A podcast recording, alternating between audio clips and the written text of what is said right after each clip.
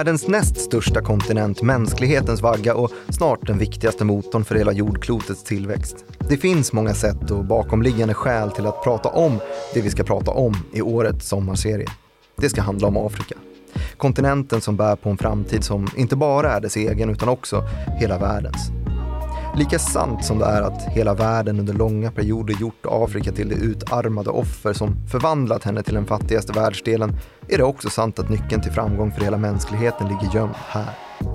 Det är en nyckel som vi nämligen måste använda för att låsa upp framtidens ekonomi som ska möjliggöra fortsatt teknisk landvinning, automatisering och grön energi som kräver resurser som bara finns i tillräcklig omfattning i detta Afrika. I en flerdelad serie bjuder därför vi, som är programledare Martin Nilsson och utrikesredaktör Joakim Rönning, in er lyssnare till en upptäcktsfärd genom denna väldiga, gigantiska kontinent. Det blir en resa som tar sin början i de första människorna. Via Nordafrikas urgamla civilisationer och egyptiska faraoner. Via den arabiska expansionismen. In i det koloniala mörkret i Kongos djungler och ut igen i frihetskampen. Slaget mellan demokratiförkämpar och militärdiktatorer och vidare mot en nutid som snart ska bli till den framtid som bara måste bli Afrikas. Kontrasterna i den region vi nu ska besöka, det södra Afrika, är som vitt mot svart. Så har också de samhällsbärande strukturerna varit formerade här ända fram till modern tid. I det område på kontinenten där avkolonisering dröjt allra längst. Som en konsekvens av det hittar vi idag världens minst jämlika länder i södra Afrika.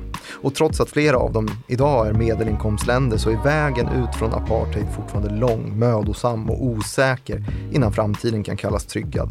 Så länge faror som hyperinflation och korrupt vanstyre ständigt håller ekonomierna och samhällen på vakt.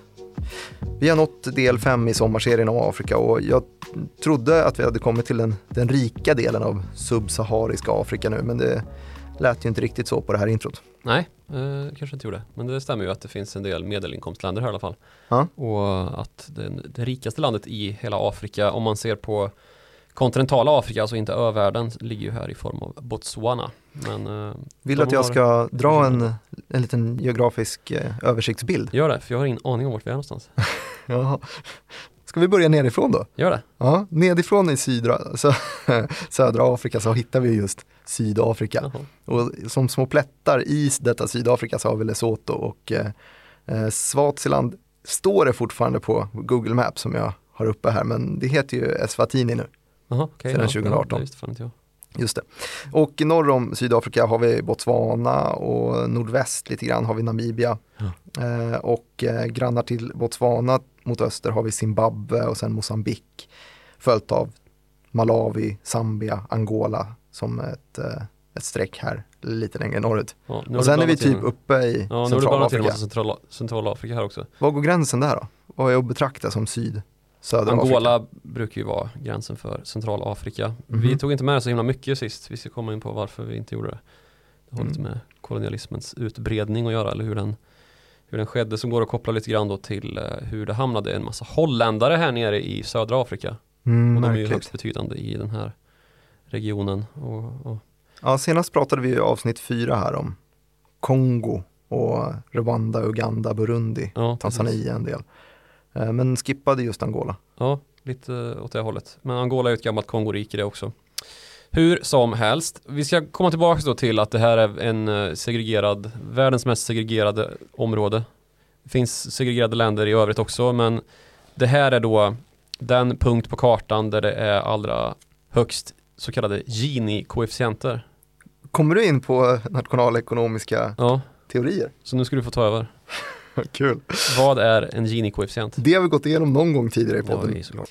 Ett verktyg som används för att, att jämföra inkomstspridningen mellan olika länder. Mm. Och, och det är egentligen så att ett, ett lågt värde innebär att det är mindre skillnader och ett högt värde innebär att det är större. Och den kan variera lite. Vanligtvis så kollar man väl på en skala från 0 till 1 där 0 betyder då att alla i landet har, har exakt samma inkomst och 1 betyder att en person har all inkomst i landet.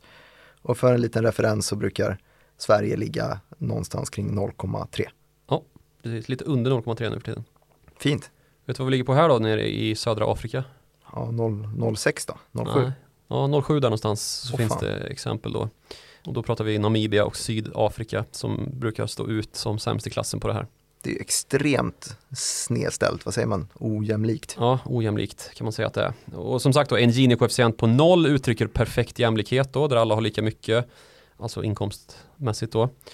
Medan då en Gini-koefficient på 1, eller om man ska slå i procent då, 100% så är man ju så att då är det bara en i landet som har alla inkomster. Mm. Alltså maximal ojämlikhet då.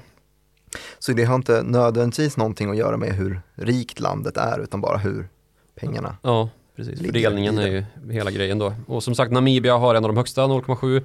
Och gissa vad som är den allra mest utslagsgivande faktorn då om man undersöker vad som ingår i det här talet och vad som är de drivande faktorerna. Det är ju, ehm, Kontrastrikt, svart och vitt. det är den utlösande faktorn. Ja, Ja. hudfärg är den utlösande faktorn Mm. på hur mycket man tjänar. Eller den största utslagsgivaren då för hur mycket man tjänar i Namibia. Och det gäller ju även för hela den här övriga regionen såklart. Möjligtvis med undantag för Botswana då som är Afrikas rikaste land på grund av sina stora tillgångar av diamant och sitt stabila styre. Vi kommer lite vidare till det.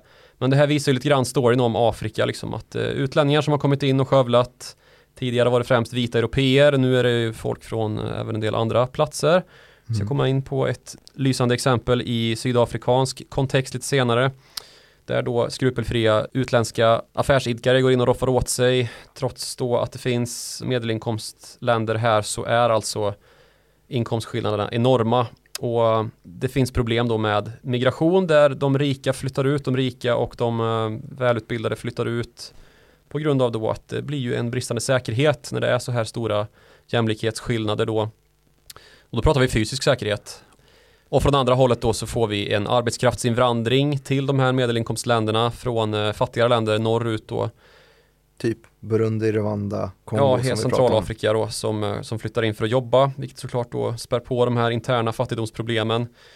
Och summa summarum så är ju originalanledningen till att det blev så här kolonialismen och det som följde kolonialismen i den här regionen då känt som apartheid. Är det där vi ska börja?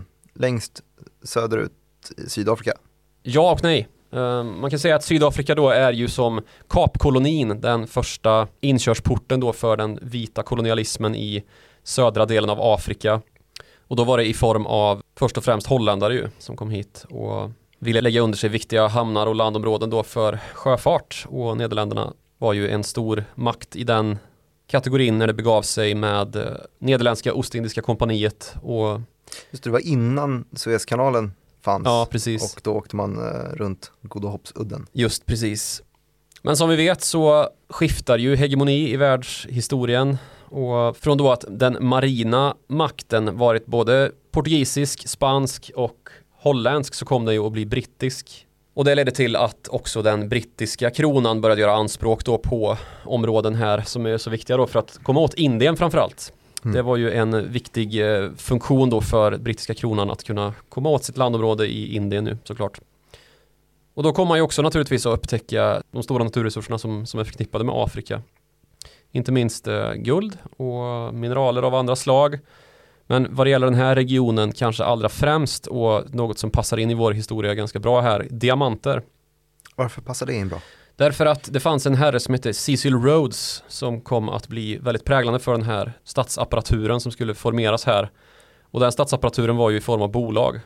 Precis som jag sa att eh, holländska Ostindiska kompaniet var ett företag som åkte runt i världen och ockuperade landområden för nederländsk räkning så skedde ju liknande företag då för brittisk räkning. Och Cecil Rhodes var högst elementär i att skapa då den stat som sedermera då skulle komma att kallas hans eget namn, alltså Rhodesia. Snackar vi här då mitten 1800-tal eller Ja. när levde denna gubbe? Cecil Rhodes levde på slutet av 1800-talet och var då britt. Han eh, var sjuklig när han växte upp och kom att placeras då i Sydafrika för att det skulle gynna hans hälsa med torr luft eller något antar jag. Mm. Jag osäker på exakt vad det var men lungsjuk var han i alla fall. Mm. Och placerades då på sin brors bomullsplantage i det som idag är Sydafrika då, Kapkolonin som det hette. Och när han väl var på plats där så kom han att slå sig fram och bli en både politisk och ekonomisk maktfaktor i vuxenlivet då som ägare till guld och diamantgruvor i eh, den här regionen. Helt enkelt då genom att han säkrade gruvrättigheter, vilket ju var i princip modellen för att ta över hela det här området då som finns i norra Sydafrika idag och, och längre norrut då i vad som idag är Zimbabwe. Så det var alltså ett företag då som hade besittning över det här landet som man hade köpt från lokala stamhövdingar för en spottstyver. Det är ju ett uh, intressant tillvägagångssätt man använder sig av där då. Skriva avtal med inte sällan helt förfalskade transaktionsdokument då som skulle ha förhandlats fram och godkänts av stamhövdingar som ju naturligtvis inte överhuvudtaget kunde läsa någon latinsk text överhuvudtaget. Så brittiska Sydafrikakompaniet hette bolaget som, som förvaltade den här staten innan man då infogade landet i det här brittiska imperiet och kallade det för Sydrhodesia då efter instiftaren Cecil Rhodes som en hyllning till honom. Därefter så hängdes då intilliggande kolonier på och skapade ett stor Rhodesia med de områden som då idag är Malawi och Zambia. Och när sen Zambia krävde självständighet så blev Sydrhodesia det enda Rhodesia då. Alltså det som vi sedermera då har kommit att kalla för Zimbabwe. Och Rhodesia som självständigt då var alltså utanför brittisk kolonialvälde från mitten av 60-talet ungefär och styrdes då av den vita befolkningen under premiärminister Ian Smith och den vita befolkningen var ju i kraftig minoritet ska man veta här. Säg bara något aha eller någonting, jag måste andas lite här. Mm. Jag tycker det är intressant. Ja, och landet kom då alltså att administreras. det är intressant. Käften. Och det här kom då att styras med hjälp av marknadskrafter som utvecklades av det här administrativa styret, alltså en form av apartheid då. Och det är ju en form där då den svarta arbetskraften blev hiskeligt billig och kunde då utnyttjas av de vita helt enkelt. Och då har vi dragit den röda tråden tillbaks till Gini-koefficient. Ja, lite så. Och där har vi också då ett av de viktigaste företagen, som sagt Diamanter och Cecil Rhodes. Hans företag då heter De Beers. Och det är ett företag som fortfarande idag är aktivt. Mm -hmm. Ägs av Anglo American, ett stort gruvbolag och um, ja, driftar gruvor i den här regionen, Sydafrika och Botswana framförallt, även fram till våra dagar. Och är liksom världens mest välfungerande monopol kan man säga. För de har ju totalmonopol på diamanthandel idag, i alla fall laglig diamanthandel. Så Lucara Diamonds fick ingen plats i det här? Nej, de får nog inte det. De har väl i och för sig gruvdrift där nere va? Mm, de har gruvdrift i eh, Karovegruvan, jag tror att det är Botswana, midcap-bolag på, på Stockholmsbörsen och har väl Lundin-anknytning ja, också tror jag. De har väl Lundin i ägarlistan antar man. Ja, det, det, det är sån här eh, parallellnoterat på, på Toronto-börsen också. Just det, Kanada är stort på gruv, gruvaktier. Det är de. Men de har nischen då på gigantiska diamanter. Det brukar ofta komma sådana artiklar att nu har de hittat 300 karat eller någonting ja. helt häpnadsväckande och så säljer de det på auktion. Så det kanske är någon form av specialistutvinning de bedriver snarare än De Beers. Ja, nu sitter vi och spekulerar om uh, diamantutvinning här. Ja, det gör vi faktiskt. De har nog både och. Mm. Mm. Men De Beers som sagt då, ett bolag som idag omsätter typ 7-8 miljarder dollar per år. De har alltså fortfarande idag totalkontroll. De har en kontroll över diamantpriset på ett sätt som eh, OPEC hade kunnat se sig stjärna om efter eh, att ha kontroll på oljepriset. Mm. Så mycket makt har man över diamantmarknaden. Bolaget som alltså grundades på, på 1880-talet av Cecil Rhodes, sedermera kolonisatören alltså som kom att få ett helt land uppkallat efter sig. Mm. Och som sagt då, här har vi ju verkligen ett gott exempel på hur den här ojämlikheten har kommit till stånd då att den svarta arbetskraften användes för den här ganska så farliga och mödosamma utvinningsarbetsprocessen då stå i dagbrott och gräva efter diamanter, ge sig ner i små, smala gruvschakt för att med livet som insats försöka gräva fram guld och diamanter. Och det, gjordes, det görs ända fram i våra dagar. Men någonting som skiljer den här regionen då från många andra, eller om vi bara tar klivet upp till Centralafrika, så är det ju att den här frigörelsen, alltså avkoloniseringen som skedde där på 60-talet, den kom inte riktigt på plats här på samma sätt. För här var ju det vita motståndet betydligt starkare då till frigörelsen som många svarta afrikaner naturligtvis kände att de hade rätt till. Det är sydstater mot nordstater än, än en gång. Ja, jag vet inte om man ska kalla det för det riktigt, men i de här länderna så fanns det ju en betydligt större andel av vit befolkning då än vad det gjorde i de allra rikaste delarna av Kongo till exempel som ju finns i, i östra delen. Medan då nya statsentiteter som till exempel Rhodesia hade tillkommit långt senare än vad de gjorde då i Kongo, ska man dra liksom en rak jämförelse så är det ju som om de vita hade tagit över Kongo efter att belgarna hade dragit därifrån. Vilket ju, ja det var ju försök mot det då i Katanga till exempel där belgiska gruvbolaget Union Minière försökte liksom med hjälp av sina allierade få till en utbrytarstat då med hjälp av Moist Chombe. Inte lika framgångsrika som De Beers. Nej, inte lika framgångsrika som Ian Smith kan man säga i alla fall, som då var premiärministern alltså. Och det fanns ju naturligtvis ett motstånd här också då. Precis som det gjorde i Sydafrika där motståndsrörelsen hette ANC, African National Congress.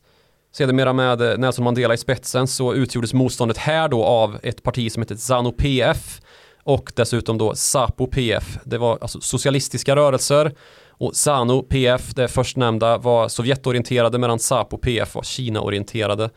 Och det här är ju givet att det blev så här naturligtvis. Det finns det ju spår av även i Sydostasien om man lyssnar tillbaka på förra årets upplaga av sommarserien när vi tog itu med den regionen så fanns det ju splittringar även där då vad gällde den här marxistiska idén om man skulle ha en sovjetisk socialism eller en kinesisk socialism då.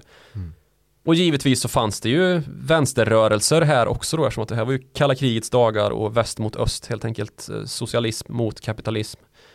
Och i just Rhodesia så kom frihetskampen att föras med en man som heter Robert Mugabe i det främsta ledet. Han var då en tidigare fredsaktivist som under 60-talets frihetskamp då blev inspärrad, lite radikaliserad. Sen blev han premiärminister 1980 när då Ian Smiths regim kom att falla. Så Mugabe kom då att döpa om landet till Zimbabwe och ändra sin retorik då till en mer fredsivrande igen och försöka skapa liksom en konsoliderad och uppblandad regering. Lite som eh, Nelson Mandela ju skulle komma att göra sen när apartheidstyret föll. Alltså ett parlament som innehöll representanter för alla de folk som bodde i landet. Och det här uppmuntrades ju av väst och fick ekonomin att lyfta rejält i inledningen av Mugabes regeringstid.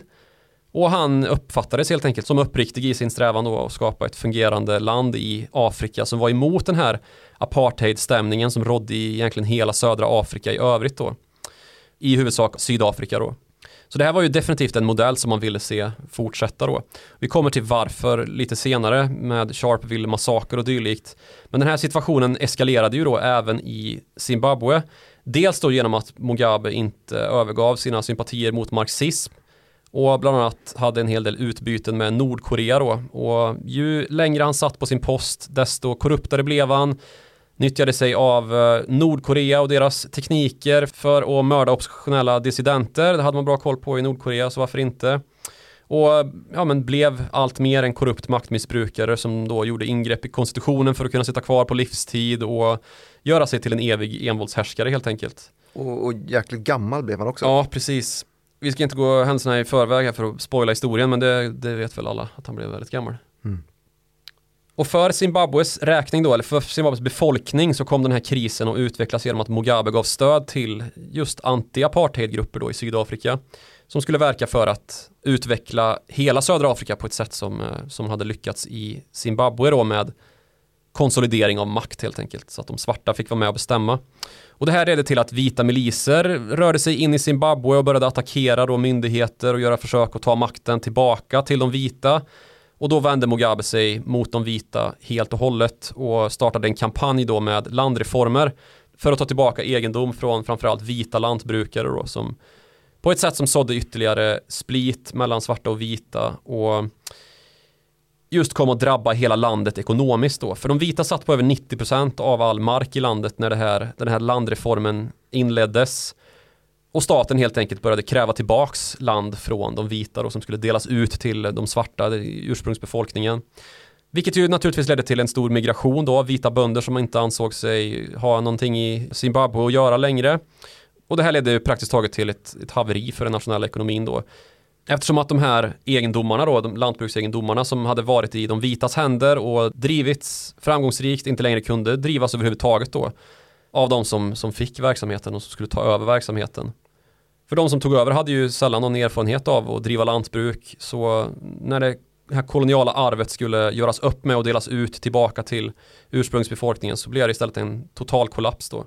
Tuffare att få tag på billig arbetskraft också kan jag tänka mig när slavförhållandena inte längre gick att luta sig mot. Ja, men det var framförallt ett ledningsproblem då att man inte hade koll på hur man skulle driva storskaligt jordbruk som hade gjorts tidigare då.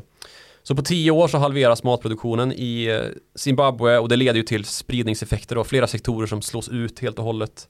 Vissa grödoslag som inte odlas längre.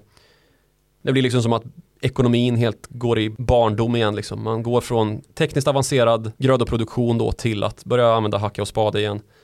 Och dessutom då, det stora problemet, inflation är ju någonting som vi känner ifrån Zimbabwe. Mm, är, det, är det här han säger de bevingade orden? Ja, det, jag vet inte vart vi, vi är riktigt men uh...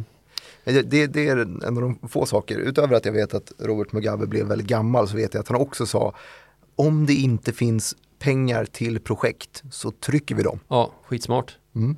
För samtidigt då som det blir mindre varor på hyllorna så fortsätter ju centralbanken att trycka pengar.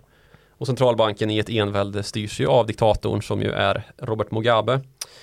För det ansåg då Mugabe sig tvungen till eh, eftersom att han ville finansiera sin, sina projekt som du sa. Mm. Eh, bland annat andra Kongokriget, eh, Zimbabwe var en betydande faktor. Men samtidigt då som det blir just mindre varor på hyllorna, mindre ska man säga vetemjöl att köpa i butiken så går ju priset på det som finns upp då. Särskilt om man fortsätter trycka pengar. Så det här blev ju en, en inflationsbrasa utan dess like och inflationen blev så galopperande att eh, det finns liksom få exempel på något, något liknande effekter i världen vad det gäller just inflation. Man brukar väl prata om att Ungern under efterkrigstiden hade den värsta inflationen som någonsin har skådats men det här är inte långt efter alltså. Jag vet inte om den här jämförelsen behöver uppdateras faktiskt om det, om det kanske är det här som är det allra värsta för det finns ju exempel då på att inflationen går upp så mycket att man har då kanske beställt pengar nytryckta i, i Tyskland som man konsulterade då för att, för att få pengar upptryckta. Men mellan det att man har lagt beställningen och det att pengarna har tryckts och sen fraktats ner med flyg då till Zimbabwe så har de hunnit bli värdelösa. Mm, det är Zimbabwe man brukar ta som exempel också när man ska berätta hur knasigt det kan bli med just inflation. Och då tar man exemplet att det plötsligt blir billigare att åka taxi än att åka buss. Mm. Vet du varför? Nej, berätta. På bussen så betalar man när man kliver på ja, och taxin betalar man när man kommer fram. Och då hinner ja. pengarna sjunka i värde.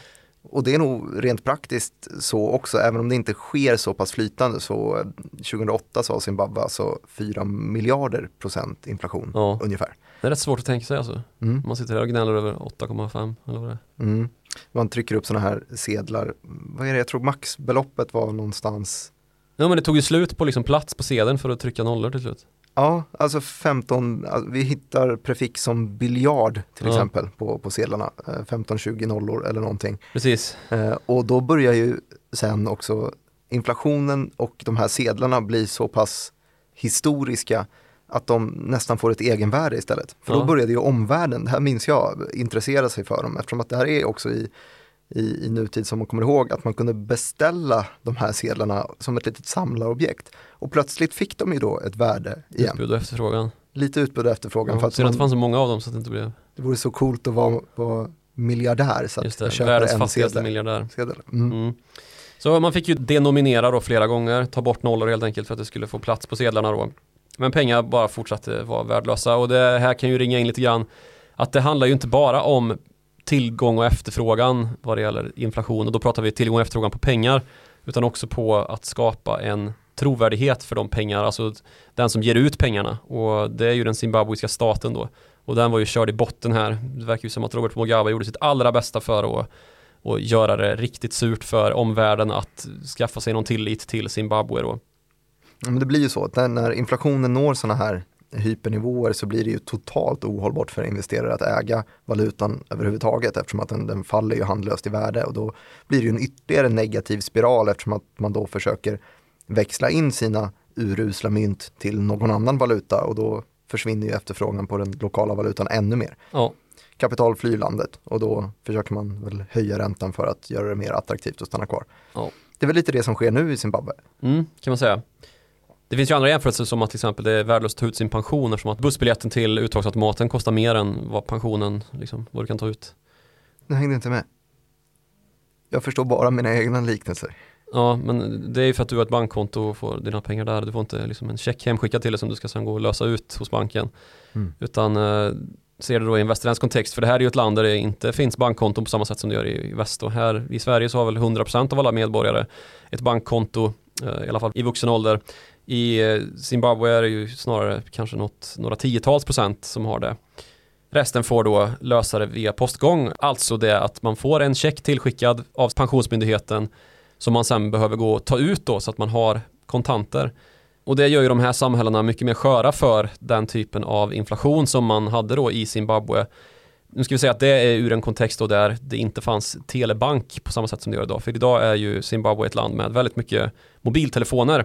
För det är då Afrikas nya stöttepelare att man har liksom hoppat över ett utvecklingssteg i det att man kanske inte hade någon trådtelefon men däremot så har man nu nästan full täckning på mobila telefoner, alltså smartphones. Och i dem kan man göra bankärenden och använda sig av appsystem då som eh, funkar precis lika bra som konton och så kan man skapa transaktioner där i och slipper de här stora buntarna av eh, miljard zimbabwisk dollarsedlar.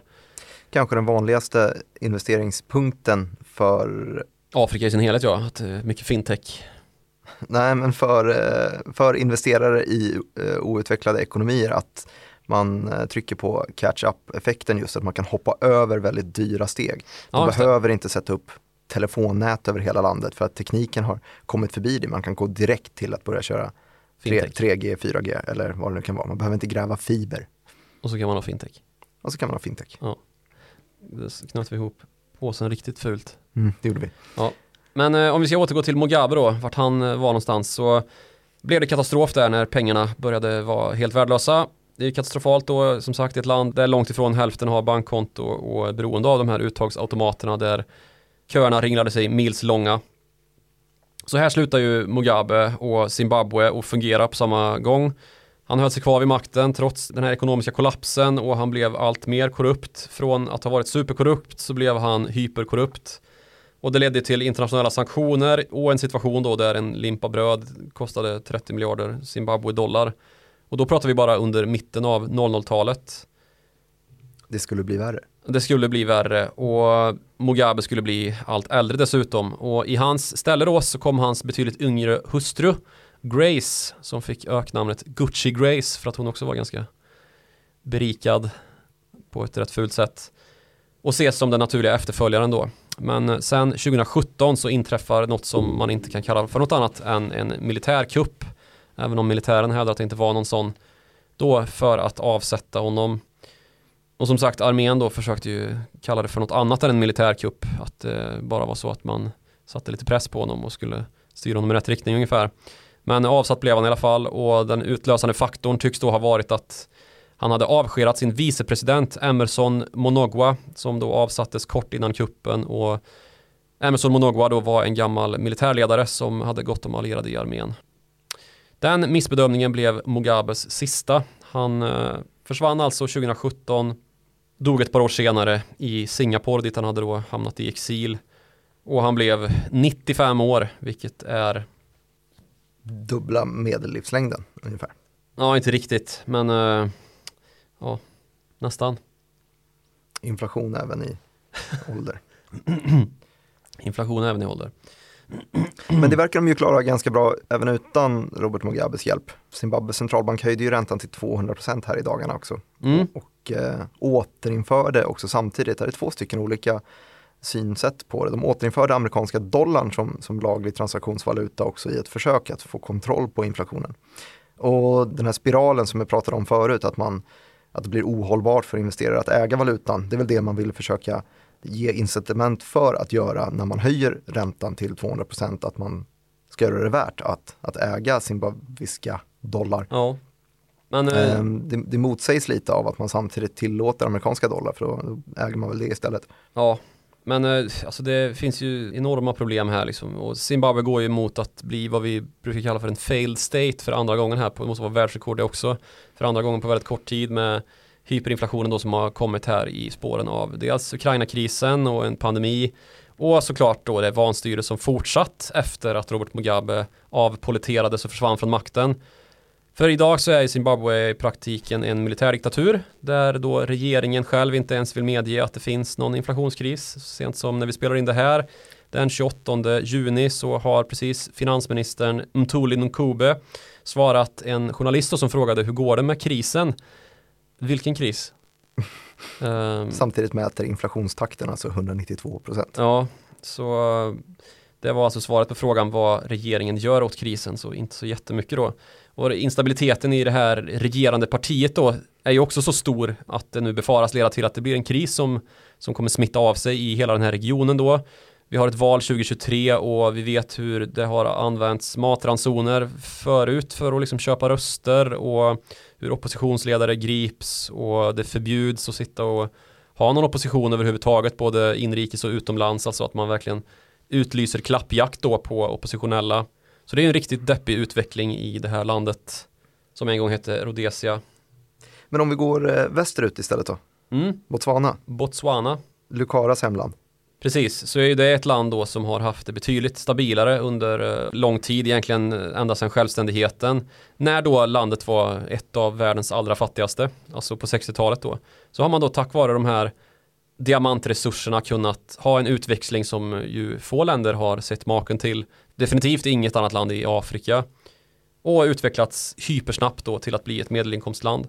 Mm, jag plockade upp en, en, lista här på, på BNP per capita och Botswana ligger ju eh, tydligt trea i hela, hela Afrika. Eh, mm. och de som ligger ovanför är egentligen bara de här lyxöarna, Seychellerna, Mauritius. Precis, turistöarna som ligger eh, öster om Afrika. De öarna är ju något helt annat när det kommer till ekonomier som att de är så extremt bundna av sin turism ju. Mm. Och man Långt kan ju ta det här bara, bara som, eh, så att man får det i jämförelse med någonting så snackade vi ju Demokratiska republiken Kongo förra avsnittet de ligger på en 50 plats och har ungefär 1300 dollar, ja. amerikanska dollar i BNP per capita och Botswana ligger på motsvarande 19 000 drygt dollar. Är det en Afrika-jämförelse då eller? Det är en Afrika-jämförelse. Ja. Så bland Afrikas 54 länder så ligger alltså det näst största och det resursrikaste landet fjärde från botten. Yes, det är bara centralafrikanska, Sydsudan och Burundi som ligger under. Ja. Men Botswana då har ju till skillnad från alla de här länderna haft en väldigt stabil politisk utveckling. Det finns ett parti som har eh, regerat här sedan landets första val då efter självständigheten. Man har inte haft någon statskupp, inga liksom eh, ens försök att välta den politiska majoriteten. Och det har gjort då att landet har blivit väldigt förutsägbart och välkomnande för investeringar. Och det är sånt som multinationella bolag gillar när man kan eh, anta att saker och ting kommer vara lätta att förutse då att utvecklingen kommer vara stabil. Det är, det är liksom varit som i Sverige på efterkrigstid fram till 1980-tal när sossarna styrde med majoritet i riksdagen i princip. Eh, så har det också varit här nere då att BDP som det heter, Botswana Democratic Party, har varit i, i majoritet ända sedan självständigheten och behållit makten då ända fram till våra dagar, vilket har varit väldigt bra för eh, administration och, och ekonomi då. Du, nu vill inte jag förstöra ditt, uh, ditt flow, men du, du lovade att vi skulle komma tillbaka till holländare också. Nu har vi snackat Zimbabwe, Botswana. Ja, uh, du vill komma tillbaka till holländare. Mm. Du undrar varför De Beers heter De Beers, alltså något som låter väldigt nederländskt, holländskt, flamländskt. Ja, det är Ja, uh, för det är ju så att portugiser var ju de första européerna, ska man säga, som började kolonisera Afrika och det gjorde man ju de första kontakterna redan på 1400-talet och då inleddes ju först och främst handel hit ner och sedermera så kom då Portugal bidra till att splittra Kongoriket där bland annat då Angola ingick. Och därefter så inleddes då förslavandet och liksom skapandet av det här brohuvudet över Atlanten då för slavhandel. För portugisernas del då först och främst till Brasilien och sedermera då i brittisk och fransk form över till Nordamerika och Karibien. Så från början var det alltså portugiser som också kom att liksom kristna Afrika. Men man tyckte sig inte ha liksom samma behov av att befolka den här kontinenten på samma sätt som sedermera framförallt nederländare och britter skulle komma att göra. Man åkte bara dit och hämtade arbetskraft? Ja, dels, men också då att man eh, gjorde upptäcktsfärder och man nyttjade hamnar då för att bedriva handel med omvärlden till sjöss då. Och därefter så kom ju holländska Ostindiska kompaniet då som började ockupera Afrika från västkusten kan man säga. Och den här konkurrensen då i centrala Afrika visade sig då vara ganska stor. För det fanns ju redan portugiser där till exempel som då kom att hålla Angola ända till 1970-talet. Så de mest lyckade intågen som holländarna gjorde då var ju främst i södra Afrika i det som kom att kallas för just Kapkolonin då. Och som sagt då, när portugiserna först då verkade ha först och främst ett intresse av handel, lite infrastruktur och förslavning då, inte vilja bosätta, följde samma mönster liksom på ostkusten där Mosambik blev en eh, portugisisk koloni som användes i exakt samma ändamål då för slavhandeln. Men vad gäller södra Afrika så vill ju både fransmän och britter blanda sig i och få besittning över de här landområdena och hamnarna som var viktiga för att nå Indien och Indiska oceanen då, sjövägen. Och det komplicerade ju saken och ledde till flera krig. Och först så var fransmännen som då ockuperade Nederländerna på hemmaplan i Europa. Som sagt, hegemonin skiftade, vilket då ledde till att Storbritannien, som låg i krig med Frankrike under slutet av 1700-talet, gick in och ockuperade landområden här i södra Afrika. Och det, det här är alltså Napoleon-tid vi pratar i Europa då.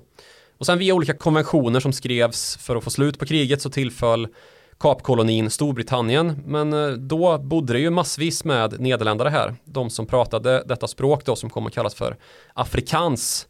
Och man brukar kalla afrikans medborgarna då, de afrikanskt talande för afrikander. För att inte blanda ihop dem med afrikaner då, för det stavas ju med ett extra A i afrikans då, men det kan ju bli lätt att förvilla sig där. Så dessa afrikander då, de hade mot deras egen vilja då plötsligt britter och behöva underställas, vilket då inte var någonting man var särskilt sugen på. Så det dröjde inte jättelänge innan det utbröt krig här då om länderna. Och det mest kända är ju boerkrigen, två till antalet som utspelade sig då i skiftet där mellan 1800 och 1900-talet. Så väldigt rörigt här, många vita som kallade landet för sitt innan det skulle bli då de länder som vi idag kallar för Sydafrika, Zimbabwe, Botswana, Mosambik, Swaziland och eh, Lesotho. Nej, Swaziland heter det inte längre. Vad heter det? Eh, Eswatini va? Eswatini, ja. Och så har vi ju Namibia också. Det gamla tyska Västafrika som det hette. Tyskland hade ju tre kolonier i Afrika. Eh, dels då Namibia som kallades för tyska Västafrika. I Östafrika hade man Tanzania som kallades för tyska Östafrika. Och så hade man Kamerun som bara kallades för tyska Kamerun.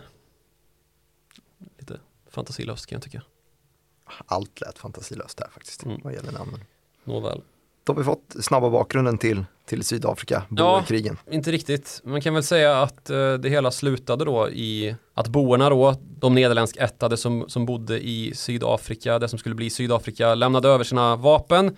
Men de erkände då den brittiska kronan som överställd, men fick då fortsätta använda afrikans, alltså det nederländska språket som officiellt och man fick representation då i institutioner och var redo också självstyre då. Och sen 1910 så skulle också Storbritannien få se sig som utkastat när då Sydafrikanska unionen skapades och eh, landet helt enkelt blev självständigt då. 1910 måste vara bland de, bland de första länderna att nå självstyre. Ja, det får man säga och det ser man ju också lite skillnaden i styret liksom. Att det var ju ett vitt styre redan från början och då fanns det ju en annan maktbas att verka ifrån då som var redan europeisk och kanske lite lättare i den här självständighetskampen naturligtvis. Mm. Är det här då den, den uh, grunden läggs för, för det som kommer att bli apartheid? Ja, det kan man väl säga kanske. Eh, ANC då, African National Congress, startas 1912 och det är då den kraft som ska verka för de svartas rättigheter i, i södra Afrika här. Men själva apartheidsystemet dröjer lite, det är inte förrän 1948 som ett val då leder till att ett parti som har propagerat för afrikand nationalism, alltså den vita minoritetens eh, nederländsk afrikanska nationalism, lyckas vinna valet och då införa raslagar. Och de här raslagarna då, det är ju det som kallas för apartheid, som betyder då åtskillnad på afrikans. Så det var inte så att man ens försökte dölja det, utan det var ju rätt upp och ner raslagar. Alltså att man delar upp folk då efter fyra olika kategorier som har alla helt olika rättigheter. Fy, fyra olika kategorier? Ja, inte bara vitt och svart alltså, utan vit, svart, asiat och färgad, där då färgad var den delen av befolkningen som inte passade in riktigt. Alltså hade föräldrar av olika ursprung då. För det här är ju en region där det har funnits vita nu i flera hundra år ju. Så det är klart att det finns folk med eh, blandad härkomst utifrån att man har föräldrar från olika kategorier då helt enkelt. Asiater också, är det alltså eh, efter Ostindiska kompaniets skepp har färdat från, från Indien och mellanlandat Ja, i? det är just indier faktiskt. Mm. Eh, mestadels i alla fall. Bland annat Mahatma Gandhi. Se där. Han hängde en del i Sydafrika tidigt 1900-tal och stöpte sig sin frigörelsekamp ju som var högst betydelsefull för att Indien skulle få sin självständighet från brittiska kronan ju. Och det här indiska inflytandet, eh, ja, korsinflytande kan man väl säga, att det fanns indier i Sydafrika. Det är någonting som också har naturligtvis eh, haft en påverkan på ekonomin och utvecklingen i landet och vi ska komma tillbaka lite grann till ett av de sämre exemplen på det här då strax. Men först vill jag säga då lite grann, definiera det här apartheidsystemet hur det fungerade egentligen. Och då var det så att de svarta förtrycktes, som vi alla vet, och sattes i ja, men reservatliknande homelands, så kallade bantustans. Och där fick de ha liksom en separat utveckling skild från de vita. Det var i alla fall så man kallade det då i de här afrikans eh, nationalistiska politiska församlingarna då att utveckling skulle ske för alla inblandade men att den skulle vara åtskild då. Och när den här åtskillnaden var gjord då så var det sen inte så svårt att låta hela projektet pågå eftersom att de svarta inte träffade vita och de vita inte träffade svarta. Och man därmed liksom i allmänhet, särskilt i alla fall på landsbygden, hade rätt dålig koll på hur det gick för den andra gruppen överhuvudtaget. Man, som svart då kunde man ju kanske tro att de vita har det inte så lätt de heller och vice versa då. Så det gjorde ju att det var svårt att bygga opposition i folklagren om man så säger. Och dessutom så utformades ju liksom skolor för en sorts hjärntvätt där den vita överhögheten skulle liksom inpräntas med hjältedikt om vitheten i Afrika, liksom att det var, fanns en rättmätig plats för den där och det här gäller då särskilt afrikanderna, alltså de nederländska ättlingarna som dessutom ofta var konservativt lagda och religiösa kalvinister i bemärkelsen att allt ska läggas i händerna på en allsmäktig gud som utkorar de frälsta då bland den moraliskt fördärvade människoarten in i ett förutbestämt öde. Det är lite sjukt att prata om sånt här när det liksom gäller 1950 till 1990-tal för det var ju inte förrän 1994 som apartheid fullt ut kunde läggas till handlingarna då i sin formella form att det var det styrande samhällsadministrativa systemet som allting vilade på. Mm. Så du säger att, att ANC bildas någon gång på 1910-talet och eh, berättar om strukturerna som gör det svårt att bygga någon form av opinion men ändå lyckas man ju upplösa det här 1994. Det tar ju sin tid. Ja. Hur? Ja men som sagt då, svårt att bygga opposition eftersom att det var så åtskilt och förtryckt naturligtvis för de svarta. Vilket ju liksom är en rak spegling av hur det såg ut ända sedan 1800-talet och kolonialtiden då. Rasism rakt igenom. Men undan för undan så kom ju det här att gå för långt. Redan på tidigt 60-tal så gjorde man en skärpning av vad som kallades passlagarna. Alltså att svarta män var tvungna då att ha med sig en ID-handling och ett arbetstillstånd.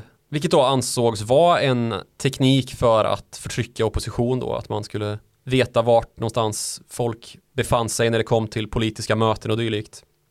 Och när den här passlagen då skärptes i början av 60-talet till att också inkludera kvinnor så anordnade då ANC en protestaktion mot det här. Där då några tusental svarta sydafrikaner skulle överlämna sig själva till polisen för att man då helt enkelt gick ut utan ett sånt här pass. Och så gick man till polisstationen och sa hej jag har inget eh, pass och eh, det är det lag på så grip mig. Det var en protest som då skulle genomföras fredligt men det hela urartar då när en mindre styrka av poliser anser sig enligt den officiella utsagan som sen lämnades vara omringade då av infödingar ungefär. Och um, det slutar i en slakt där uh, ungefär 70 personer skjuts ihjäl. Och vi får nyhetssändningar från Sharpeville då som platsen heter.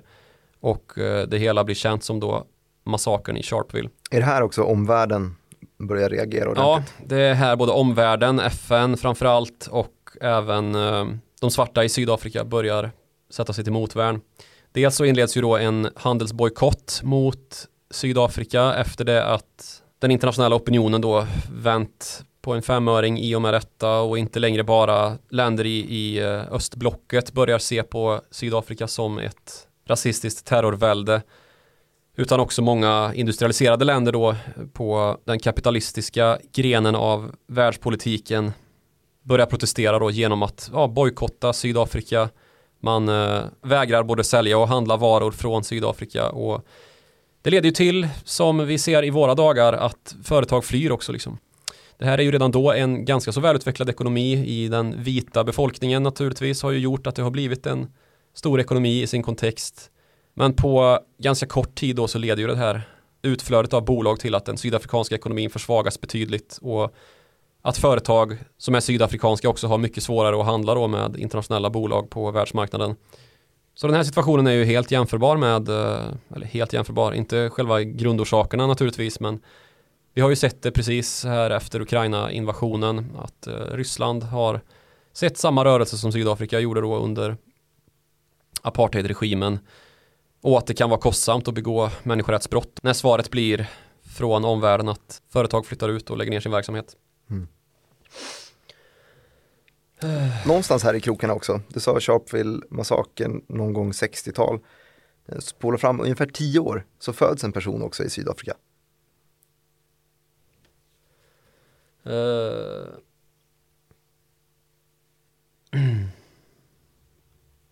Jo men jag tänkte ju att vi skulle få in Elon Musk i det här avsnittet Elon också. Musk. Vem är det? men som sagt 60-talet om vi, om vi jämför med tidigare länder vi har nämnt, Rhodesia bland annat. Så de var ju väldigt mycket tidigare. Ja precis, eh, redan mitten på 70-talet så var ju Portugal på väg ut ur Angola och Mosambik och eh, Rhodesia upphörde ju 1980 då och blev Zimbabwe under Robert Mugabe. Och anledningen till det var väl att det skedde vissa reformer i Sydafrika, man bytte president ett par gånger och den här verkligheten började komma ikapp. Det uppstod ett, liksom ett motstånd mot det krig som fördes i Namibia som då var en del av Sydafrika, att man fick ge självständighet till Namibia och dessutom då en svart majoritet som vid upprepade tillfällen gjorde uppror liksom och, och vägrade underställa sig den samhällsordning som ju var gällande. Och när de här protesterna blev större och större så fick man ju också slå tillbaks med större och större kraft och det hela blev mer och mer oacceptabelt. Och till slut så blev den här tryckkokaren så het att då Båta-regimen som den kallades under Peter Willem Båta blir så pressad då att eh, man började erkänna att ja, det här apartheid kanske är lite föråldrat system. Lite föråldrat system. Och eh, så började man till slut då förhandla med ANC och Nelson Mandela som då satt på Robben Island ju i fängelse för att han likt Robert Mugabe hade varit en oppositionell politiker och ansågs då vara en terrorist i sin kontext. Sen när Båta fick avgå från presidentposten så, så ersattes han då av en de Klerk.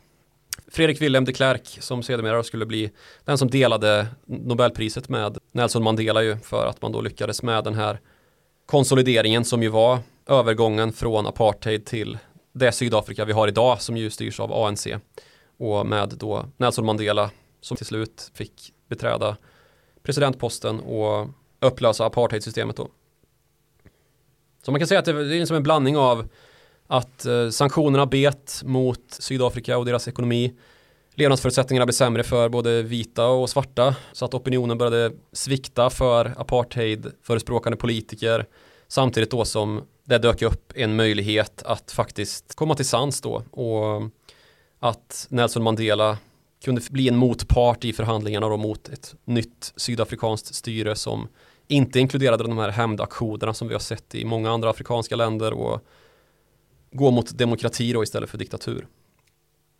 Och om vi spolar fram till nutid istället för, för Sydafrika så en, eh, jag har ju testat här att söka i, i nyhetsbyråns arkiv efter varje land vi har, vi har besökt mm -hmm. i, i, diskussionerna och mm. eh, Sydafrika är ju det med allra flest notationer i alla fall. Mm. Hur ligger vi till med bolag? Bolag.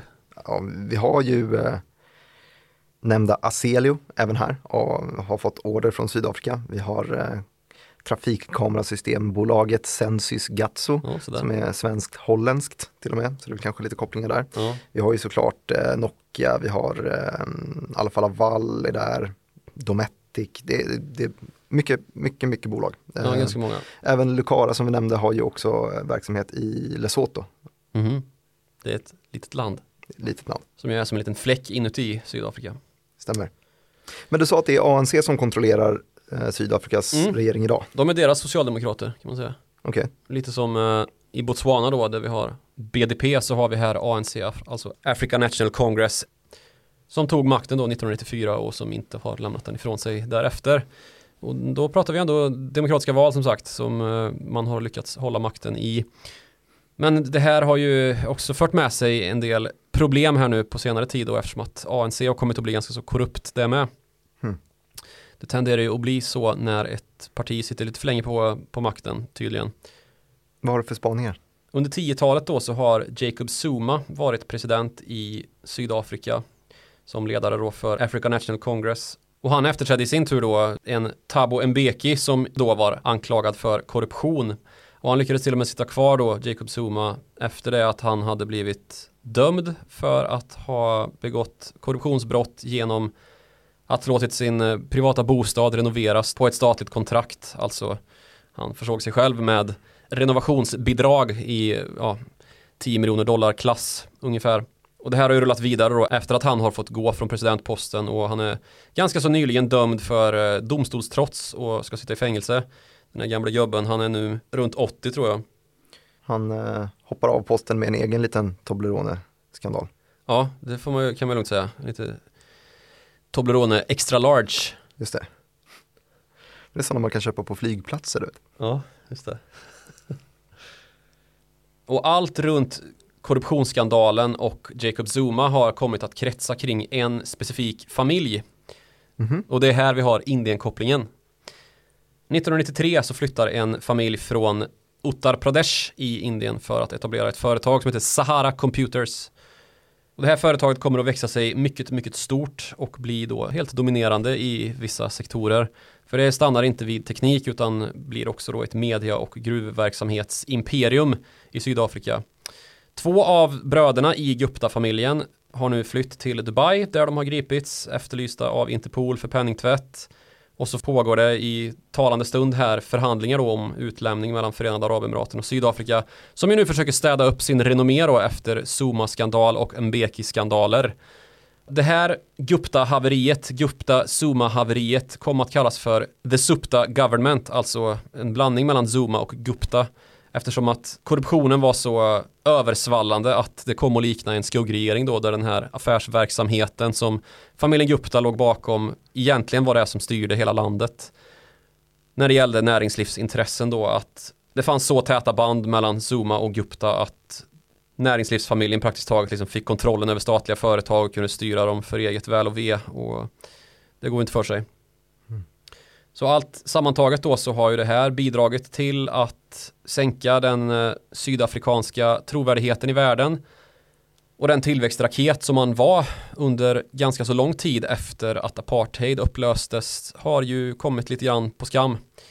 Det har inte riktigt blivit som man förutsåg då när man skapade det här akronymet BRICS som ju står för Brasilien, Ryssland, Indien, Kina och Sydafrika just. Så man räknade in Sydafrika till ett av de stora tillväxtländerna.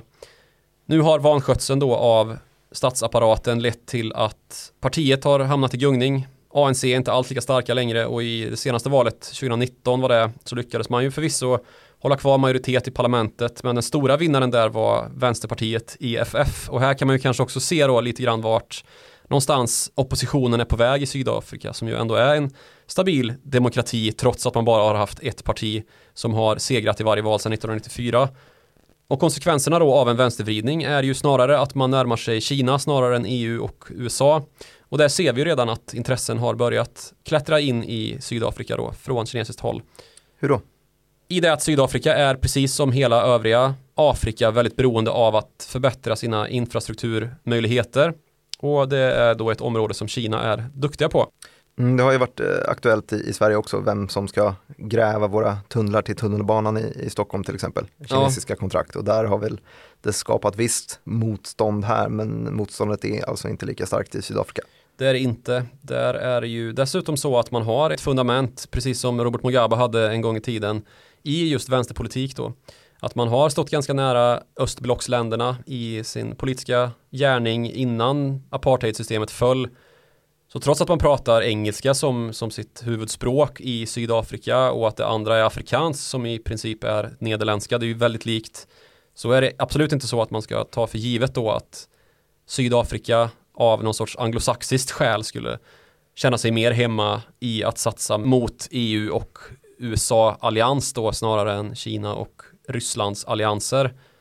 Kina har alltså utlovat investeringar till liksom miljard, tiotals miljarder dollar i Sydafrika och framförallt då i infrastruktur Inte bara för att liksom bygga väg och järnväg och flygplatser och hamnar utan också då till eh, sånt som behövs för att bedriva basnäring, alltså el och 5G-nät. 5G-nät, ja, telekomnät.